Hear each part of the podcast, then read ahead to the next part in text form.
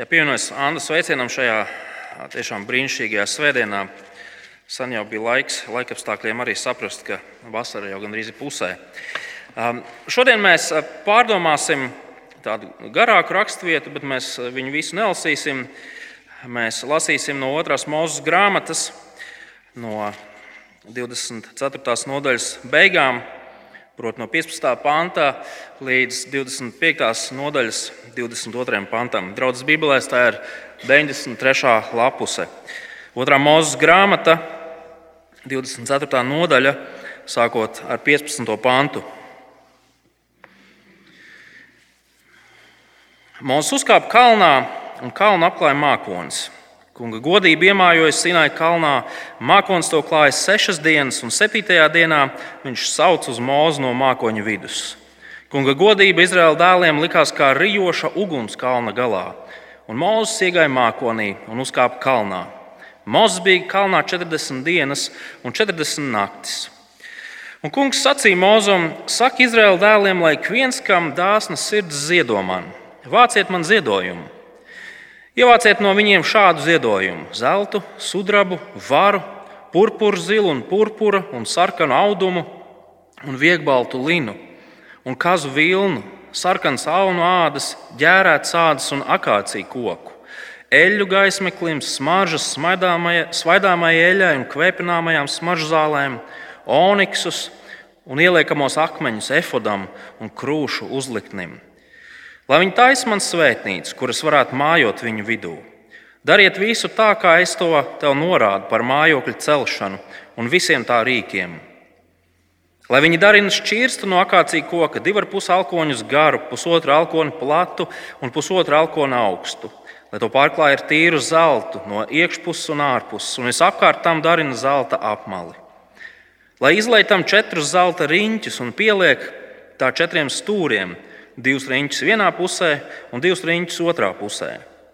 Darini nesamās kārtas no akācija koka un pārklāj tās ar zeltu. Ieliec nesamās kārtas riņķos, šķirsta malās, lai ar tām var nest šķirstu. Nesamās kārtas, lai vienmēr paliek šķirsta riņķos, neņem tās ārā. Un šķirstā ieliec liecību, ko es tev došu. Darim tam tīra zelta pārsegu, divu ar pus alkoņus garu, pusotru alkoni platu Darina tam divus ķerubus no kalta zelta, darina tos abos pārsaka galos. Darina vienu ķerubu vienā galā un otru ķerubu otrā galā pārsagam. Darini tam ķerubus abos galos. Lai ir tā, ķerabi no augšas, lai izpleš savus spārnus un ar spārniem noēno pārsagu. To sejas, lai ir viena pret otru, ķerubu sejas, lai ir pret pārsagu. Uzliec pārsagu šķirstam, un šķirstā ieliec liecību, ko es tev došu. Tur es tev atklāšos, un es runāšu ar tevi no pārsaga augšas, starp abiem ķerubiem, kas pār liecību šķirstu. Tur es teikšu visu, ko tev priekš Izraēla dēliem pavēlēšu. Tas ir tā kunga vārds. Amen. Lūksim Dievu. Dabas Tēvs, šajā pēcpusdienā mēs patiesi lūdzam, lai Tavs gars nāk un mums palīdz tavu vārdu saprast, lai tavs gars atver mūsu garīgās acis, ka mēs spējam skaidrāk ieraudzīt tavu vārdu nozīmi. Un mēs lūdzam, lai tajā brīdī, kad mūsu izpratne vairojās, mūsu dievbijīgi spēcinās, lūdzu, palīdz mums visiem šajā pēcpusdienā, to lūdzam Kristus vārdā. Amen! Ja jūs rakstītu tādu patiesi, tādu patiesi episku darbu, aprakstītu episkus noteikumus, kāds būtu jūsu darba nobeigums? Parasti episki un tādi grandiozi notikumi apraksti beidzas ar spēcīgu kulmināciju. Nedaudz līdzīgu uh, svētku uguņošanai. Svētku uguņošanā parasti 10, 15 sekundes pašā beigās viss eksplodē, visiem ir mutes vaļā, elpa ir aizrāvusies. Un pagājušajā nedēļā, 24. nodaļā, mēs lasījām par kaut ko tādu, ko patiesībā ir grūti pārsist. Mēs lasījām par to, kā Dievs noslēdz derību ar saviem ļaudīm. Un šis svinīgais derības slēgšanas brīdis beidzās ar to, kā viņi, nu ne visi gluži, bet tautas pārstāvi bija kopā un ar Dievu ieturēja maltīti. dzīves kopā ar Dievu. Kopā ar pašu Dievu. Ja tā padomā, to ir grūti saprast, to ir grūti aprakstīt, to ir grūti iztēloties. Sakiet, vai tas nebūtu cienīgs, episks grāmatas noslēgums? Grāmata par to, kā viena vergu tauta, kas dzīvo ciešanās un grūtībās, tiek dieva atbrīvota, izvesta cauri dažādiem pārbaudījumiem. Beig, beigās viņa lielie ienaidnieki tiek sakauti, viņa aiznest, tiek aizvest pie kalna, kurā Dievs saka, es būšu jūsu dievs, jūs būsiet mana tauta, noslēgsim derību. Derība tiek noslēgta, svinības un dzīves. Visam vēl pietrūkst slavenais teiciens, un viņi dzīvoja ilgi un laimīgi. Episks nobeigums. Taču otrā mūzika grāmata nebeidzās 24. nodaļā. Patiesībā mums priekšā ir vesels 16 nodaļas. Un 13 no šīm 16 nodaļām sastāv no instrukcijas. No instrukcijas, kā celt telti. Un arī šīs telts celtniecība. Mūzes no Dieva saņem norādījumus par to, kāda telts viņam ir jāceļ. Un grāmata beidzas ar to, ka šī telts ir uzcelta. Un viņš tā pavisam godīgi, par spīti tam, ka mums ir nu, pat patiesa cieņa pret Dieva vārdu, lasot šīs nodaļas, mums liekas, nu, kaut kā nav tā kulminācija vairs. Pavisam garlaicīgi ir palicis. Mums, mums liekas, ka tas, kas seko no 25. nodaļas, ir tāds grāmatas pielikums. Ziniet, tās sadaļas, kuras izlasa tikai īsti entuziasti. Mūsu jautājums ir, kas te notiek? Kāpēc tā? Patiesībā, jo vairāk mēs šajās instrukcijās ieskatāmies, jo vairāk mēs redzam to, ka tā ir īstā kulminācija. Patiesībā tā ir gatavošanās īstajai kulminācijai, ko mēs redzam pašās grāmatas beigās. Studējot šo grāmatu, pēdējās nedēļās mēs esam runājuši par to, ka šī grāmata ir sarakstīta, lai cilvēki varētu pazīt Dievu. Lai cilvēki varētu uzzināt to, kāds ir Dievs, Ko Dievs caur saviem vārdiem par sevi atklāja? Un mēs jau esam redzējuši vairākas svarīgas lietas līdz šim. Mēs esam redzējuši to, ka Dievs ir vienīgais Dievs. Viņš ir valdnieks pār visu zemi. Viņam nav konkurentu. Mēs esam redzējuši to, ka Dievs ir taisnīgs tiesnesis, kurš tiesā visus viņa ienaidniekus. Mēs esam redzējuši to, ka Dievs ir varants glābējs. Mēs esam redzējuši to, ka Dievs vēlas būt attiecībās ar cilvēku. Mēs esam redzējuši to, ka Dievs noslēdz derību ar cilvēku. Bet ko par Dievu atklāja šīs instrukciju nodaļas? Ko par Dievu atklāja celts, telts, tel, telts celtniecība? Vārdu mēls mežs nedaudz sanāca. Draugi, ieskatieties vēlreiz 25. nodaļas 8. pantā. Lai viņi taisa man svētnīcu, kur es varētu mājot viņu vidū. Pašķirat dažas nodaļas uz priekšu, uz 29. nodaļu. 29. nodaļā, 45. un 46. pants. Dievs saka, es mājošu starp Izraēla dēliem, es būšu viņiem par dievu, un viņi zinās, ka es esmu kungs, viņu dievs, kas viņus izvedis no Eģiptes zemes, lai es mājotu viņu vidū. Es esmu kungs, viņu dievs. Tas, ko mēs pēkšņi ieraugām pa vidu visām šīm instrukcijām, ir tas, ka cilvēks tiek dieva izglābts attiecībām ar Dievu. Bet tas nav viss. Mēs redzam to, ka Dievs vēlas būt kopā ar cilvēku, ļoti tuvu kopā, dzīvot starp cilvēkiem. Tādējādi mēs redzam, ka šīs grāmatas noslēdzošā daļa atklāja to, ka Dievs ir izglābis izrēliešus, lai burtiski teltī dzīvotu starp saviem izglābtajiem ļaudīm. Šīs nodaļas mums māca to, ka Dievs, visuma radītājs, varenais un bijājamais, tomēr vēlas būt ļoti tuvu, cieši klāt saviem ļaudīm. Lūk, patiesā grāmatas kulminācija. Dievs starp saviem ļaudīm, Dievs kopā ar saviem ļaudīm. Un tas tā nav tikai vecajā derībā vien, par to runā arī jaunā derība. Dievs nav kaut kur tālu, nav kaut kur neaizsniedzams. Dievs ir kopā ar saviem ļaudīm. Vienmēr, visur.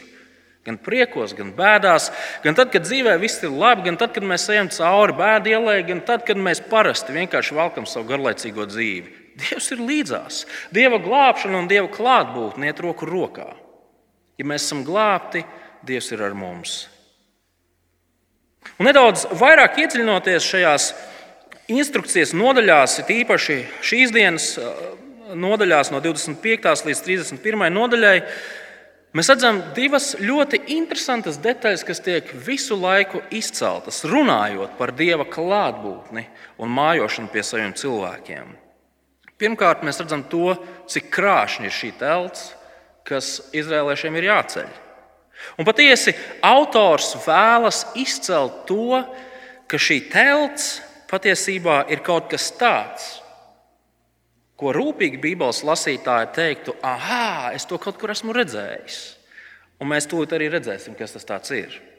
Bet otrkārt, mēs lasot šīs instrukcijas, redzam to, ka Dievs ir ārkārtīgi svēts, bet cilvēks ir grēcīgs. Un kaut kādā brīnumainā veidā šis svētais Dievs tomēr var dzīvot pie grēcīgiem cilvēkiem. Tad nu veltīsim laiku, lai parunātu par šīm divām interesantajām lietām. Un tā pirmā lieta, runājot par to telts krāšņumu, ir tā, ka autors vēlas, lai mēs visi domātu par ēdienas dārzu.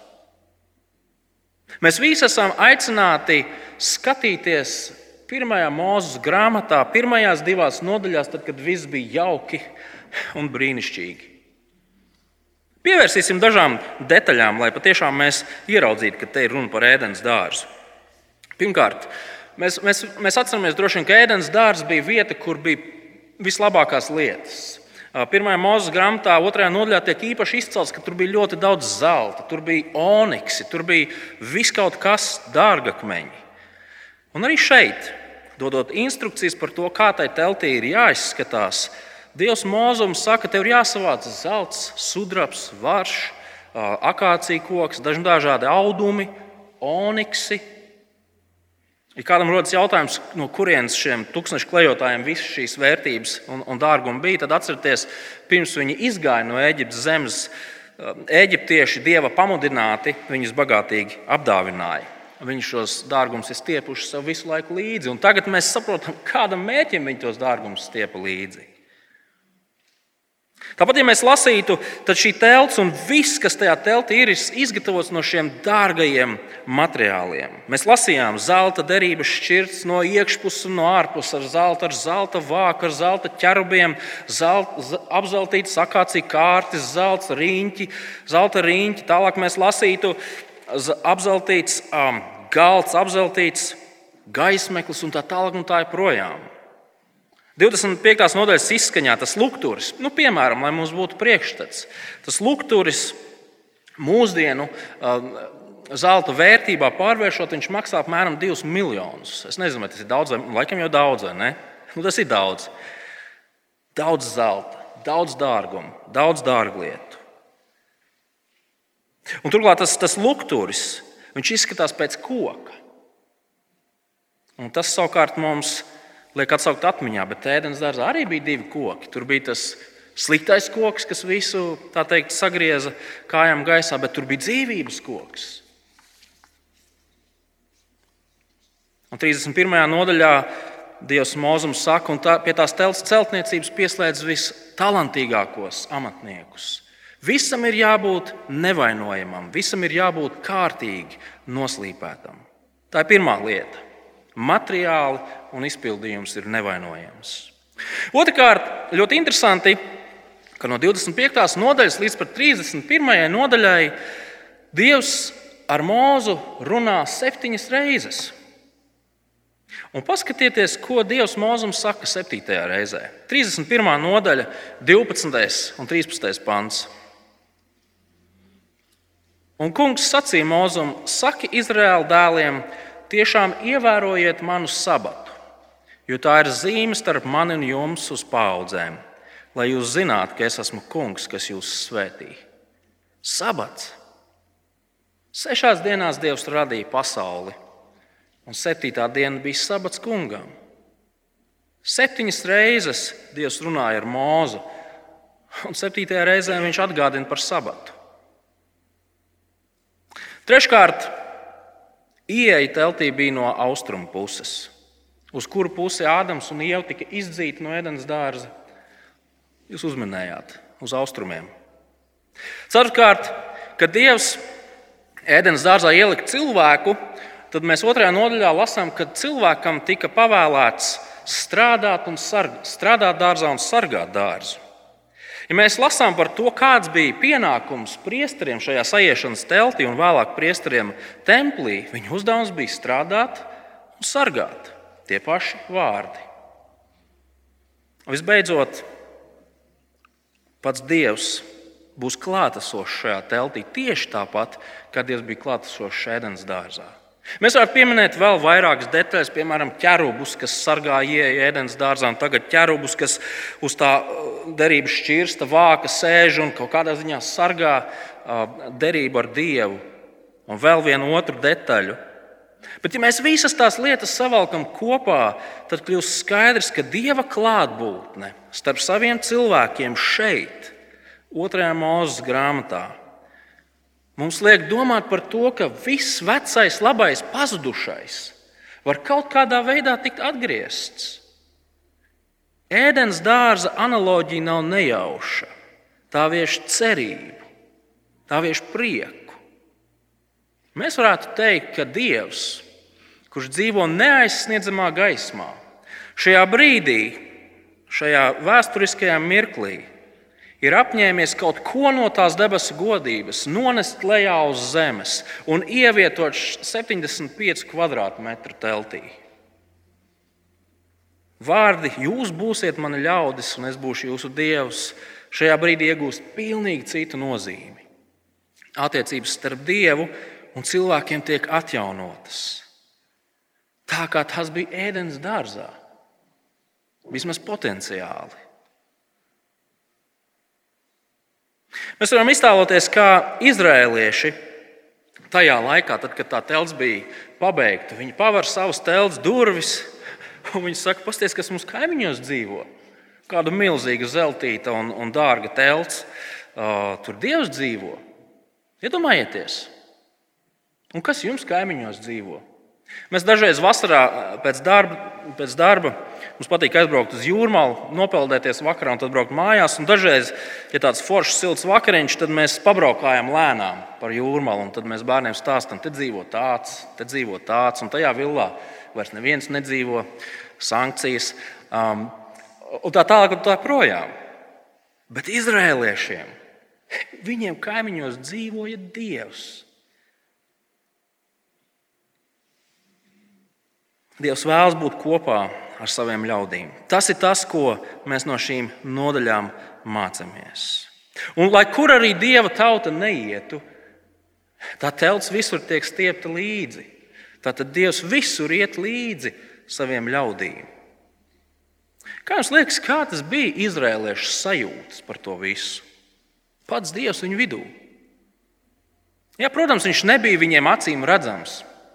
Viņš nestaigāja tā teikt, sestdienas rītā uz kaut kādu vietējo kebabnīcu pie Ābrahāma un Jēriņa kebabnīcas nosaukums, bet viņš bija reāli klātesošs. Visi to zināja. Un kā tas ietekmē viņa ikdienas dzīvi? Šī apziņa, ka mūsu Dievs, mūsu glābējs, viņš ir tepatās. Kā tam vajadzēja ietekmēt izrēliešu dzīvi un tās grūtās situācijas, ar kurām viņi saskārās? Dievs ir mums blakus, redz, kur mēs redzam viņa māju. Viņš ir ar mums. Dievs grib būt kopā ar saviem ļaudīm. Ēdenes dārza attiecības ir kaut kas tāds, ko Dievs vēlas ar saviem ļaudīm. Taču, lai arī Dievs bija līdzās un tepat savā godības pilnajā mājoklī, pie viņa nevarēja tāpat vien ieskriet.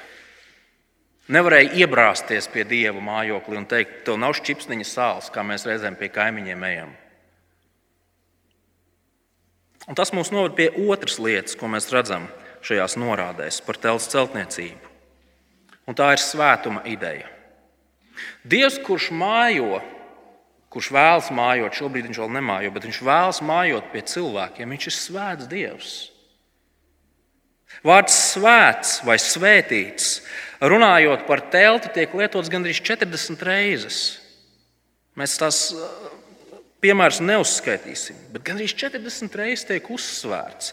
Tas, ka viss, kas saistās ar šo telti, ir svēts. Nu, piemēram, tas pats 8. pāns, 25. nodaļā, vēlreiz ieskatieties.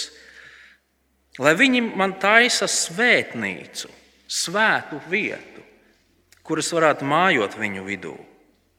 Un tālāk, 26. nodaļā, kad tiek aprakstīti šie aprakstīta telts un viss, kas tajā teltī ir atradīsies, mēs redzam to, ka telts tiek sadalīts divās, divās daļās - svētā vieta un vissvētākā vieta.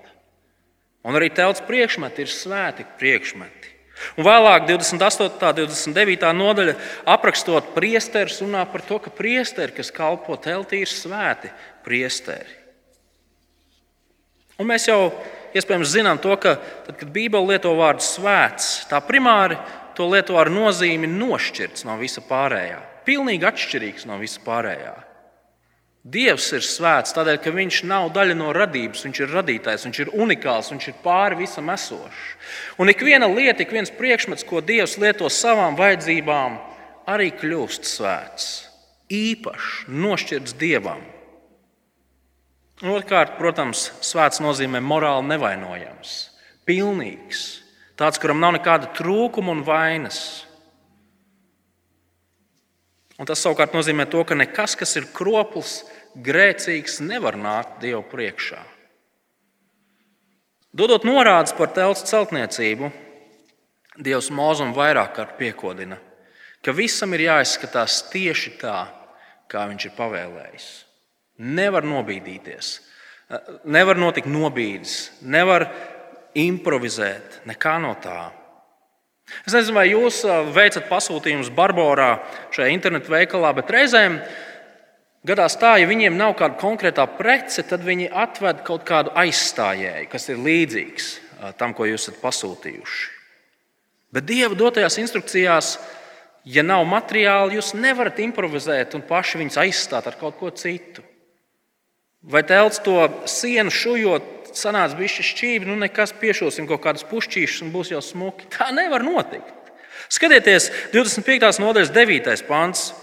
Dariet visu tā, kā es tev norādu par mājokļa celšanu un visiem rīkiem. Vai 25. nodaļas 40. pāns. Raugi, darini tieši tā, kā tev tika parādīts kalnā. Vai 26. nodaļas 30. pāns.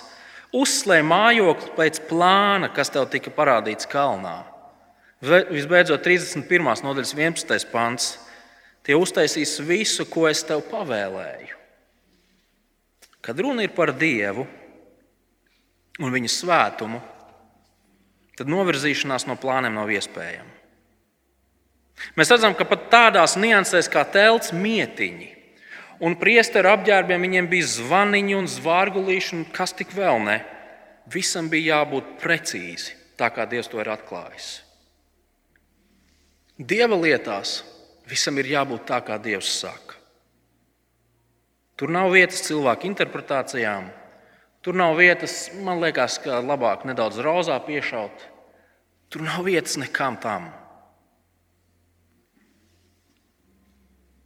Un, ja tas ir par telti, cik daudz vairāk tas ir par pašu Dievu, kurš šajā teltī dzīvo. Reizēm cilvēks saka, man liekas, ka Dievs ir tāds un tāds. Vai, ja Dievs būtu tāds un tāds, tad es viņam ticētu. Vai, ja Dievs ir tāds un tāds, tad es viņam neticēšu. Un tā tālāk, un tā joprojām. Mīļie draugi, es ceru, ka jūs redzat to, ka Dievs sevi atklāja tādu, kāds viņš ir. Un tur nav vietas kaut kādai žonglēšanai, manipulācijai, spekulācijām, interpretācijai. Dievs par sevi atklāja daudz ko, to kāds viņš ir. Un ar to ir pilnībā jāpietiek, lai ļaudis ar bību, prieku un pateicību teiktu, lūk, kāds ir mūsu Dievs. Un Viņš ir kopā ar mums. Dievs pats nosaka to, kāds Viņš ir. Dievs ir svēts. Un pie viņa nevar doties grēcīgi cilvēki, pie viņa nevar iebrāzties uh, nepilnīgi cilvēki. Neviens no, no mums tāpat bez uzaicinājuma nevarētu doties uz Rīgas pili. Mēs, kā tādi civilizēti ļaudis, mēs pat bez uzaicinājuma nedodamies pie saviem kaimiņiem ciemos. Kur nu vēl vairāk pie svēta un varena dieva? Un tieši tāpēc Dievs vesels divas nodaļas, 28 un 29 nodaļu, instruē Mūzu par to, kuri tad varēs pie viņa iet. Un runāja par priesteriem. 28. nodaļa apraksta priesteru apģērbu. Kāds tik tas nav savā krāšņumā, un, un es arī teiktu, pēc, pēc vērtības. Vislabākie materiāli, zelts, dārgakmeņi, Visvērtīgākie audumi tiek izmantoti priesteru tērpos. Smalks un vērtīgs ir viņa apģērbs. Un kā gan citādi, jo viņi iet pilnīgi un perfekti svēta Dieva priekšā. Pēc tam 29. nodaļa apraksta to, kā priesterim ir jāsagatavojas, lai viņi vispār varētu ieiet šajā teltī. Tur ir mazgāšanās, tur ir upuri, tur ir asinis. Un tas viss norāda uz to, ka priesteris savā būtībā arī ir grēcīgs cilvēks, kuram pirms viņš var doties pie svēta dieva, kaut kā ir jātiek galā ar, ar savu grēcīgumu. Un tas ir iespējams ar upuru palīdzību šajā brīdī. Dievkalpojuma lapiņās jūs, jūs varat redzēt to, kā tā telts izskatījās. Mēs redzam, to, ka teltī apkārt bija šis žoks. Barjeri cilvēki nevar doties pie, pie telts. Tāpat mēs redzam, tur ir viens altārs ārpusē, viens altārs iekšpusē. Teltī iekšā varēja iet tikai priesteri. Un visvētākajā vietā, kur atradās derības šķirsts, vienu reizi gadā varēja ieiet augstais priesteris. Mēs redzam to, ka patiesībā pastāv ļoti stingri ierobežojumi tam, kas un kad un kādā veidā drīkst piekļūt dievam. Kāpēc tas tā ir? Tāpēc, ka cilvēks ir grēcīgs un Dievs ir svēts. Grēks ir problēma, kuras dēļ cilvēks zaudēja ēdeni. Grēks joprojām ir problēma. Tā ir jārisina. Bet par spīti grēka realitātei pārsteidzošais, pārsteidzošais fakts ir tas, ka Dievs vēlas būt kopā ar saviem ļaudīm. Viņš grib būt cilvēku dzīvēm. Un Dievs šajā brīdī piedāvā lūk veids, kā tas ir iespējams. Un atkal mēs varam jautāt, nu, kā tie izrēlieši jutās šajā brīdī?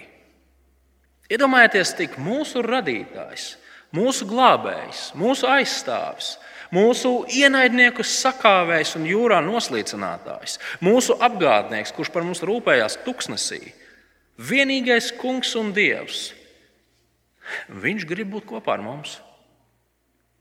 Viņš zina, ka mēs esam grēcīgi, bet viņš grib būt kopā ar mums. Viņš ir svēts, bet viņš grib būt kopā ar mums. Kā viņi jutās? Dzīves problēmas, nieki, ienaidnieki, nieki, Dievs ir ar mums. Visa mūsu nākotne ir miglā tīta, nekas, jo Dievs ir ar mums. Vienmēr un visur mūsu kungs ir ar mums. Nu, labi, ne gluži vienmēr un visur, tur, kur telts. Tur kungs ir ar mums. Draugi, lai arī šīs nodaļas mums varētu likties tādas ārkārtīgi tehniskas, vienmuļas, šīs nodaļas patiesībā apraksta kaut ko ārkārtīgi brīnišķīgu. Dieva vēlmi dzīvot pie saviem ļaudīm. Un šī ideja ir kaut kas neiedomājams. Es pieņemu, ka mēs visi esam priecīgi par to, ka mums nav, vairs jānoņemās ap to telti. Es esmu ļoti priecīgs, ka man nav jāizliekas, ka es esmu kaut kāds priesteris. Un vēl vairāk es priecājos par to, ka man te nav jēri jākauj. Šodien mēs bijām zooloģiskajā dārzā, starp citu, un tur pāris aitiņas bija labi kandidāti. Aizmirsīsim to visu. Mēs priecājamies, ka mums ar to nav jānodarbojas. Taču kaut kādā ziņā mēs visi laiku pa laikam sakām, nu, kaut nedaudz, sakām, laimīgie viņi. Ak, viņi laimīgie! Dievs bija kopā ar viņiem. Tik tuvu. Dievs mājoja viņu vidū. Viņiem paveicās. Patiesībā ik viens kristietis sev var saukt par vēl laimīgāku, jo mums ir daudz, daudz, daudz labāk nekā izrēliešiem vecajā derībā. Redziet, otrā mūzes grāmata īstenībā ir kā tāda ēna, kā tāda norāde, kā tāda kopija, kas rāda uz kaut ko daudz, daudz skaistāku. Dieva mājošana teltī norāda uz kādu citu mājošanu, kas mums visiem kristiešiem liek teikt, slavu tev, Dievs! Paldies, ka tas ir tā. Un runa, protams, ir par Kristu. Par Kristu, kurš nāca, lai mājotu savu ļaužu vidū. Un caur Kristu Dievs vienmēr ir klātesošs saviem ļaudīm. Izlasīsim dažus pāntus no jaunās derības, kas tik skaidri to atklāja. Atvērsim vēstuli ebrejiem, 8. nodaļu. Vēstule ebrejiem, 8. nodaļa. Tur pateikšu, draudzes Bībelē tā ir 1224. Um, lapuse. Un nolasīsim 8. nodaļas pirmos piecus pantus. Galvenais visā, kas sacīts, ir tas, ka mums ir tāds augstais priesteris, kas nosēdies pie visvarenā Dieva labās rokas debesīs. Viņš ir kalpotājs svētnīcā un patiesajā teltī, kur ir uzslēgts kungs, nevis kāds cilvēks. Katrs augstais priesteris tiek iecelts, lai pienestu upuru dāvanas un kaujamos upurus. Tādēļ nepieciešams, ka arī viņam būtu upuris, ko pienest. Ja viņš būtu uz zemes, tad viņš nemaz nebūtu priesteris jo šeit jau ir citi, kas pienes upurdāvāns pēc bauslības, kur kalpošana ir tikai atspulgs un ēna debesu kalpošanai, kā tas tika atklāts Mozum, kad viņš bija gatavs uzsliet derības telti. Šajos pantos autors saka, ka vecās derības telts, kurā mēs pievērsāmies, tā ir tikai atspulgs un ēna. Tad kaut kas ļoti ierobežots, kas, atspūg, kas nedaudz atspoguļo to, kas ir patiesība, kas nedaudz atspoguļo Dieva valstības godības pilno klātbūtni uz, uz šīs zemes starp izrēliešiem. Savukārt Jēzus Kristus pēc savas nāves un augšām celšanās ir sēdies pie Dieva labās rokas. Viņš ir valdnieks. Viņš atrodas šajā patiesajā pēdiņās teltī, vietā, kur mājo Dievs. Un to ir svarīgi saprast. Jo tajā brīdī, kad mēs saskaramies ar, ar īsto lietu, kopijām vairs nav nekādas nozīmes. Es atceros, ka tā laikam bija, kad cēlīja Nacionālo bibliotēku. Viņai blakus bija tāds neliels makets, lai cilvēkiem būtu izpratne par to, kā tā biblioteka izskatīsies. Tiklīdz biblioteka uzcēla to maketu, nojauca nost. Makets vairs nebija vajadzīgs. Kāpēc lai kāds skatītos uz maketu, ja tev ir pieejama īstā lieta? Mūzum bija jānokopē debesis. Un tādēļ tas viss bija tik smalki, tik krāšņi, tik, tik skrupulozi. Bet Jēzus to visu padara par lieku. Jēzus ir iegājis debesīs. Viņš ir iegājis īstajā vietā, nevis kopijā, un viņš tur kalpo. Vairākas lietas, ko tas nozīmē priekš mums. Tas nozīmē, ka mums, kā kristiešiem, mums vairs nav jāceļ kaut kādas īpašas celtnes. Mums vairs nav jāceļ telts, mums vairs nav jāceļ templis. Reizēm kristieši runā par to, ka Jeruzalemē būtu jāatjauno templis. Lielas jautājums, kāpēc? Kāpēc tas ir jādara? Tas nozīmē, to, ka mums vairs nav jādodas svētceļojumos uz Izraēlu, uz Jeruzalem vai kādām citām vietām, lai būtu tuvāk Dievam. Nepārprotiet, brauciens uz Jeruzalemi, Izraēla varētu būt brīnišķīgs brauciens, ieraudzīt savām acīm kaut ko no tā, ko mēs varam redzēt jaunajā derībā. Taču šis brauciens nevienu nepieved tuvāk Dievam. Tas nozīmē, to, ka altāri, dažādi svētie priekšmeti baznīcās ir pilnīgi lieki. Visi kvēpināmie trauki, kaut kādi īpaši apģērbi, galvas sagas, krūšu uzliktņi. Tas viss ir liekas. Agrīnie kristieši neko no tā visa nepazina. Tāpēc, ka viņi skaidri zināja, ka tas viss ir liekas. Tas nav vajadzīgs. Mums reizēm liekas, ka tas ir tāds cēli un skaisti un vareni. Bet patiesībā tā viss ir ēna. Kāpēc mums turēties pie ēnas? Un viena atbilde ir tāda, ka tāpēc, ka mēs nepazīstam īsto. Tieši tāpat tas nozīmē, to, ka mums nav vajadzīgi kaut kādi īpašie cilvēki, kas mūs var ievest sadraudzībā ar Dievu. Draugi, lai jums būtu normāls, labas attiecības ar Dievu, es jums neesmu vajadzīgs. Mums nav vajadzīgi, es atvainojos, mums nav vajadzīgi īpaši cilvēki, kas, kas, kas mūs var emocionāli noskaņot ar dziesmām, lai mūs noliktu uz pareizā viļņa un mums būtu tuvība ar Dievu. Nekas no tā nav vajadzīgs. Mums ir jādzied labas dziesmas, tāpēc ka tas mums māca Dieva vārdu. Nepārprotiet. Un ir labi, ja mācītājs arī spēj izskaidrot Dieva vārdu. Arī tas ir labi un noderīgi. Bet mums nav vajadzīgi īpašie cilvēki, bez kuriem mēs nevaram būt attiecībās ar Dievu. Draugi, mums visiem ir piekļuve pie Dieva caur Kristu. Nepastarpināta piekļuve visur, vienmēr. Un turklāt, kā mēs redzējām vēstulē ebrejiem, Jēzus ir kā augstais priesteris. Un kā augstais priesteris viņš ir ticis galā ar mūsu grēku. Viņš par to ir samaksājis pats ar savu dzīvību. Un tāpēc tagad mums, nepilnīgiem grēcīgiem cilvēkiem, var būt piekļuvis svētam un varenam dievam. Apostols eh, eh, Pāvils uzrunājot Efesas draugus kristiešus, eh, viņiem otrās nodaļas 22. pantā teica, Kristu jūs tiekat uzcelti par Dieva mājokli garā. Un Pāvils šeit runā par kristiešiem, par, maz, par, par Efesas pilsētas mazo kristiešu saimīti. Jūs tiekat celti par Dieva mājokli. Tas nozīmē, ka Dievs jūsos, jūsu vidū mājo savā garā. Un, draugi, Šajā dienā mums visiem ir jāatcerās, sev jāatgādina, ka Dievs ir klātesošs šeit. Nevis tāpēc, ka mēs esam sapulcējušies šajā namā, bet tāpēc, ka mēs esam sapulcējušies šajā namā. Dievs ir šeit, tāpēc, ka šeit ir viņa ļaudis. Viņš ir šeit, tāpēc, ka Kristus dēļ visur, kur vien sanāk kopā viņa ļaudis, Dievs ir kopā ar viņiem. Cilvēki, kas tic viņam, kas seko viņam, kas paļaujas uz viņu, kas klausa viņu vārdam, Dievs ir tur. Dievs mājo pie viņiem. Un tas ir objektīvs fakts, tas ir tā ir patiesība neatkarīgi no tā, kā mēs varam justies. Un bieži vien, godīgi sakot, mēs nekā nejūtamies. Bet arī tad, kad mēs nekā nejūtamies savā ikdienā, mēs varam būt droši par to, ka Dievs ir kopā ar mums.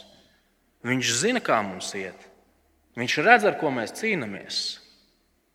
Viņš zina, pēc kā mēs ilgojamies. Viņš visu redz, un viņš nekad mūs nepamet. Viņš nekad mūs neatstāja. Viņš vienmēr un visur ir kopā ar ikvienu savu cilvēku, Kristus dēļ. Un kādu dienu, draugi, šī, šī Dieva klātbūtne, šī mājošana būs reāla fiziska realitāte. Mēs visi esam ceļā uz to vietu, kurā šobrīd atrodas Kristus fiziski. Un kādu dienu mēs redzēsim šo māju vietu, ko Kristus mums visiem gatavo. Bet paturēsim prātā vēl pēdējo lietu. Reāla Dieva klātbūtne mūsu dzīvē ir šī visbrīnišķīgākā lieta. Dievs mūs ir izglābis, lai būtu kopā ar mums visu laiku. Un šī Dieva klātbūtne mūsu dzīvēm lai arī acīm neredzama, tā sākas tajā brīdī, kad mēs sākam grāk nožēlā, sakot Kristum. Mums nav jāgaida kaut kāda nākotnes diena, nē, Dievs ir kopā ar mums jau tagad. Un lai šī Dieva klātbūtnes apziņa mums dāvā vajadzīgo apņēmību, spēku, drosmi un prieku dzīvot kristīgo dzīvi uz šīs zemes Līdz kādu dienu mēs nonāksim Dieva mājoklī uz mūžīgiem laikiem. Lūksim Dievu.